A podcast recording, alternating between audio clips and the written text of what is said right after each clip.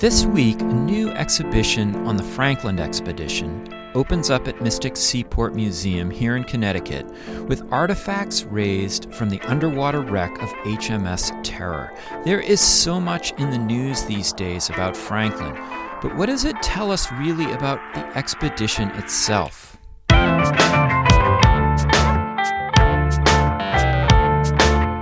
It's time to eat the dogs.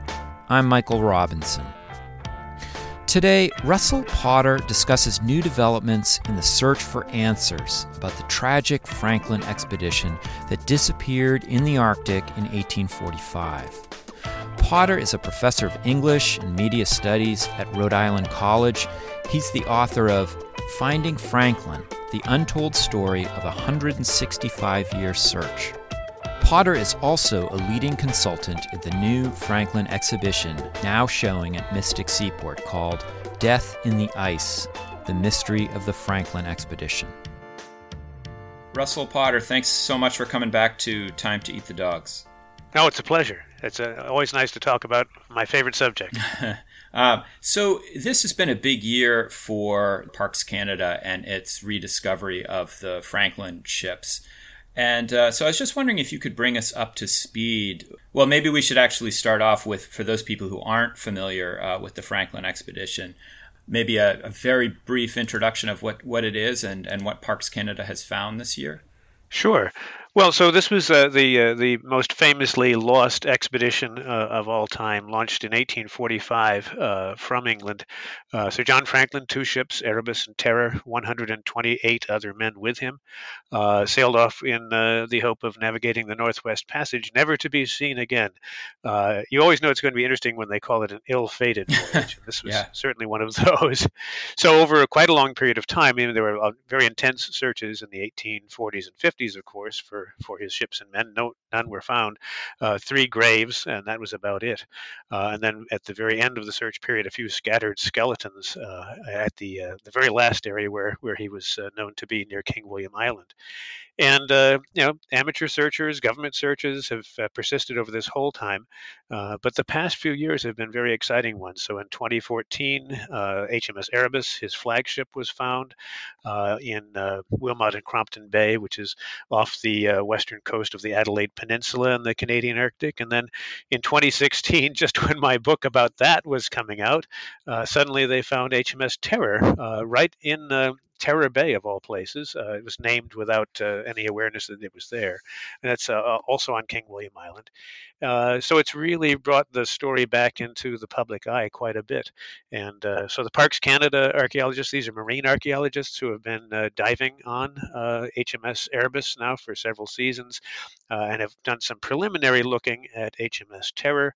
and of course, at the same time, archaeologists on the ground are looking for traces of the men since at some point point in time, it's clear that they abandoned their ships. Uh, the uh, the final fateful victory point note uh, indicates that they abandoned them in 1848. It's possible they were remanned. One of the questions we're asking is were they re remanned and repiloted to where they sank, or did they just drift there?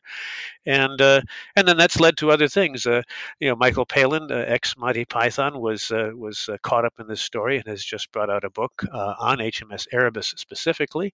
Um, and of course, there's also been the AMC uh, TV drama 10 part limited series, The Terror, uh, which has recreated uh, the final uh, months of the expedition with the addition of a probably unnecessary monster, but, but still with really really good attention to historical detail and wonderful performances by the leading cast. So, uh, and now of course the the uh, Franklin exhibit is coming to the United States. So all these things are converging. Now, this year has not been the greatest year for parks, unfortunately. Just uh, the uh, the dive season is always unpredictable, and mm-hmm. this year it, it, lasted exactly one and one half days. Oh my god! So, uh, Can you actually tell me how? I know that these sites are probably kept partially secret, right? But do we know yes. Do we know how close approximately the two ships are uh, together?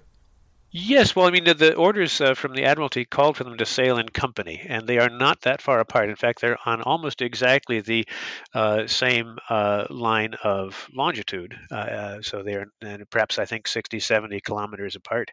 Uh, so it's conceivable that indeed they, they did, if they were remanned and piloted, did again sail in company, and then were just separated at the very last moment. Or it's possible that one of the ships was in trouble and people transferred. That's why they sent two, of course.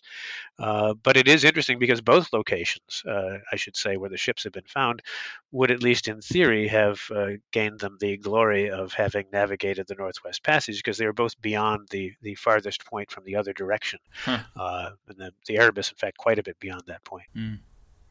And so uh, you had mentioned that it was a pretty uh, pretty rough year in terms of actual dives and uh, excavation of artifacts. Um, there were some um, artifacts from 2000 or earlier in 2018 that you posted on your blog. I was I was wondering if you could talk about those.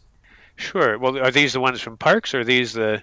I thought they were from the... parks. Yeah, the photos of uh, various things that they had they had brought up. Yeah. Well, I mean, there's there's there's a good small collection. I mean, one I should back up a little bit. One of the issues that had uh, been a been a sort of a thorn in everyone's side was that uh, the exact ownership of the ships was was not quite settled between the United Kingdom and Canada. That has now been settled, uh, and then there was also a question of the custodial relationship uh, to the artifacts should that be should they be in the charge of Parks Canada, federal agency? Uh, Inuit felt that they were not uh, getting uh, sufficient control over these, so there's now a, a co-management agreement mm-hmm. Uh, with uh, Inuit Heritage Trust. So the legal obstacles have been cleared out of the way, but uh, what they did decide to do, for better or worse, with the uh, UK government, which had, had decided they would reserve certain items of special importance to the history of the Royal Navy, is they have decided to give all artifacts brought up so far to Britain at the conclusion of the current exhibit. Mm. Uh, so that includes the things that, that have been seen, you know, the fragment of the ship's wheel, uh, the table leg from a table in uh, Sir John Franklin's uh, cabin aboard Erebus, uh, the, the shoe, which is part of the exhibit, which they, I, I, guess, recovered some DNA from, and, and, and, numerous small objects, plates, belt buckles, you know, marine badges, buttons, and such that uh, have been brought up so far. I think there's just a little over a hundred of those altogether that have been brought up uh, over the past several years' dives. And uh, but now that that agreement is reached, even though this year wasn't a very good year, we have a, a glass cover for an artificial horizon. We have a small picture from one of the officers' rooms. Those items and all that follow, which will surely be much richer, I think, in the long run, are going to be the property of Canada and co-managed by uh, parks with uh, Inuit Heritage Trust. So, mm. so if we can just get back there and get some more things, I think we will we will be in good shape. But uh, one of the things that I found interesting from uh, reading your blog was you were talking about some of the biggest discoveries are actually not underwater, but are uh, in uh, the the back rooms of museums. Uh, you were talking, for example, about the anvil block. Could you talk about that? Yes, yes. Well, there. So it's interesting. A lot of these uh, relics, uh, Franklin associated items that have been brought back, were uh, displayed in 1891 in London. At there was a sort of a Royal Naval Festival uh, exhibition, and uh, then they were bundled away, and many of them, yeah, put into storage. I mean, you can't keep them all on display all the time. This is true at any museum. Most of them in England ended up in the custody of the Royal United Services Institution, uh, and then from there, when that museum was disbanded in the early 60s 60s, the assumption had been they all went to the uh, National Maritime Museum, which has, has, had most of these for quite some time. But in the process, a few things went missing, and uh, we could not seem to figure out where these things had gone. They they were on the uh, United Services Museum's list, and they were not on the Maritime Museum's list. But eventually, it was figured out. I mean, I was in touch with curators from from uh, the Maritime Museum, and then I heard from the uh, Glenbow uh, Museum out in Calgary, and it turns out the curator of the Glenbow in the early 60s, who was its uh, sort of its founder, he was a, a, Canadian oil baron with, with very deep pockets. Uh, when he heard that the Royal United Services Institution was getting rid of its collection, he wanted to buy the whole thing. He wasn't able to persuade them to sell the whole thing, but he did buy a big chunk of Franklin relics, and those were located at the Glenbow in storage just last year. Uh, so the most interesting of those that has been revealed so far, at any rate, is this anvil block from Beechey Island. It's this very large, knotty piece of wood that was apparently brought ashore by one of the ship's armorers to set up a, a forge on top of. Uh, it was brought back looking quite plain, uh, and then somewhere in its life at the uh, Royal United Services Institute, it acquired all these metal objects which were festooned onto it almost at random. There's a there's little strips of metal, there's nails, there's a giant eye bolt screw that's been screwed into the base of the thing. None of those things were present when it was found. So, you know, the assumption is perhaps these were other miscellaneous uh, Franklin relics, and they thought, well, what the heck? Why don't we just nail these onto this thing? Wow. Uh, and there were there were illustrations of that from the 1880s. Uh, but until this was pulled out of storage and identified, partly on the basis of those, you know, we just had no idea what had happened to it. And they they have a current show now with it on. You know, I have I got a call uh, a couple years ago from the P.T. Barnum uh, Museum in Bridgeport here in Connecticut, and they had found a, a, sleeping bag that they couldn't identify except for a tag that said Greely Relief Expedition. And I was thinking to myself, my God, this can't be from the Greely expedition, um, which uh, which uh, obviously got, ran into trouble in the late 1800s. Yes. But but it made me think about this idea that you know you and I look a lot at exploration, and the the operating word for exploration is discovery. And yet, when you really dig into this, you realize how much of it is really about rediscovery. Uh, yes, stuff yes. that people have discovery discovered and has gone gotten lost and yes, uh, gotten tweaked and then pulled out again. I don't know if you have any thoughts about that.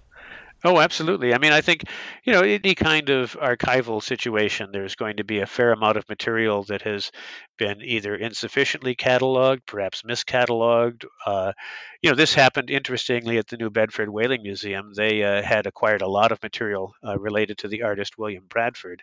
Uh, and we had known, of course, that Bradford had a set of glass lantern slides that he had been exhibiting for the last decade or so of his life. No idea what had happened to them. Well, it turned out the museum had had them all along, but the curator at the time, uh, Dick Kugler, had simply not given them an acquisition number. So mm. there was no way of knowing they were there until someone said, said, Say, what's this box here on the shelf? it's filled with glass lantern slides and it doesn't have an acquisition number. And it turned out to be Bradford's original set of slides. So, you know, circumstances like that can happen. And, uh, you know, sometimes it's just the interested party uh, the curious historian who who pokes and prods at the at the patient archivist until something is discovered in an odd drawer, or uh, you know until the fonds, let's say there might be an index or something, are taken out, and and people say, well, what was this, and what's this item, and let's look and see what this actually refers to. So there's definitely work to be done on that level of rediscovery, and in fact, you know that's often the case uh, with archaeology too. A lot of the sites that have been looked at on land are sites that have certainly been visited before. Uh, but now we're visiting, of course, with more modern uh, scientific uh, technology and DNA testing and so forth. So, uh, it rediscovery is actually, I think, a bigger part of the story right now than than completely fresh discovery out of nowhere. Well, it plays a crucial role also in your in your book, Finding Franklin, because you talk about the importance of. Uh, David Woodman, who may not be known to many people outside of the kind of Franklin community, but who uh, played a huge role in rediscovering Inuit testimony about the the positions of the ships, right? Yes, yes, exactly so.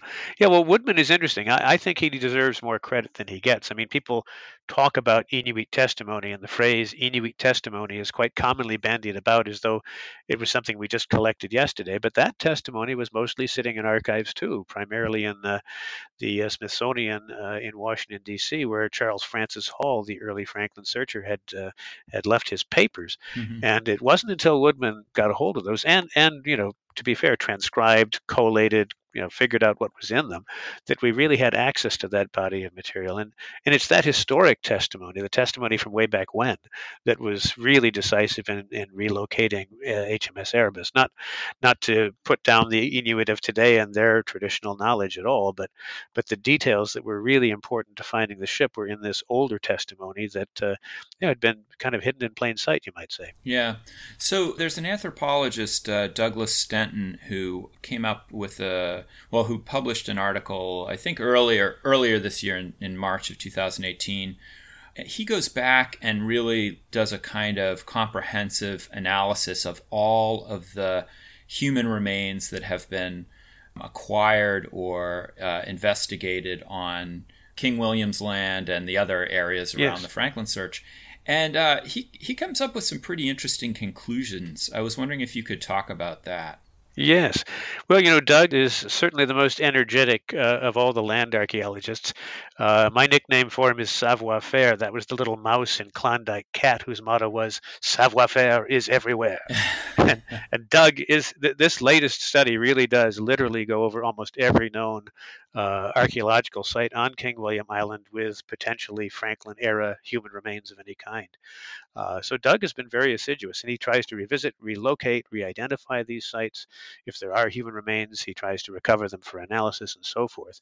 Uh, I mean, with the broad brush, one of his more striking conclusions is that he believes that about one third of the sites that have been identified as sites of Franklin remains have been misidentified and may in fact be Inuit remains or something unrelated to the Franklin expedition in any case. So that's an interesting claim. I, I mean, I, I disagree with him about a couple of sites, uh, but often the problem in, in, with some of these sites is that the human remains and other materials have been removed uh, and uh, are lost somewhere in the archival or storage world.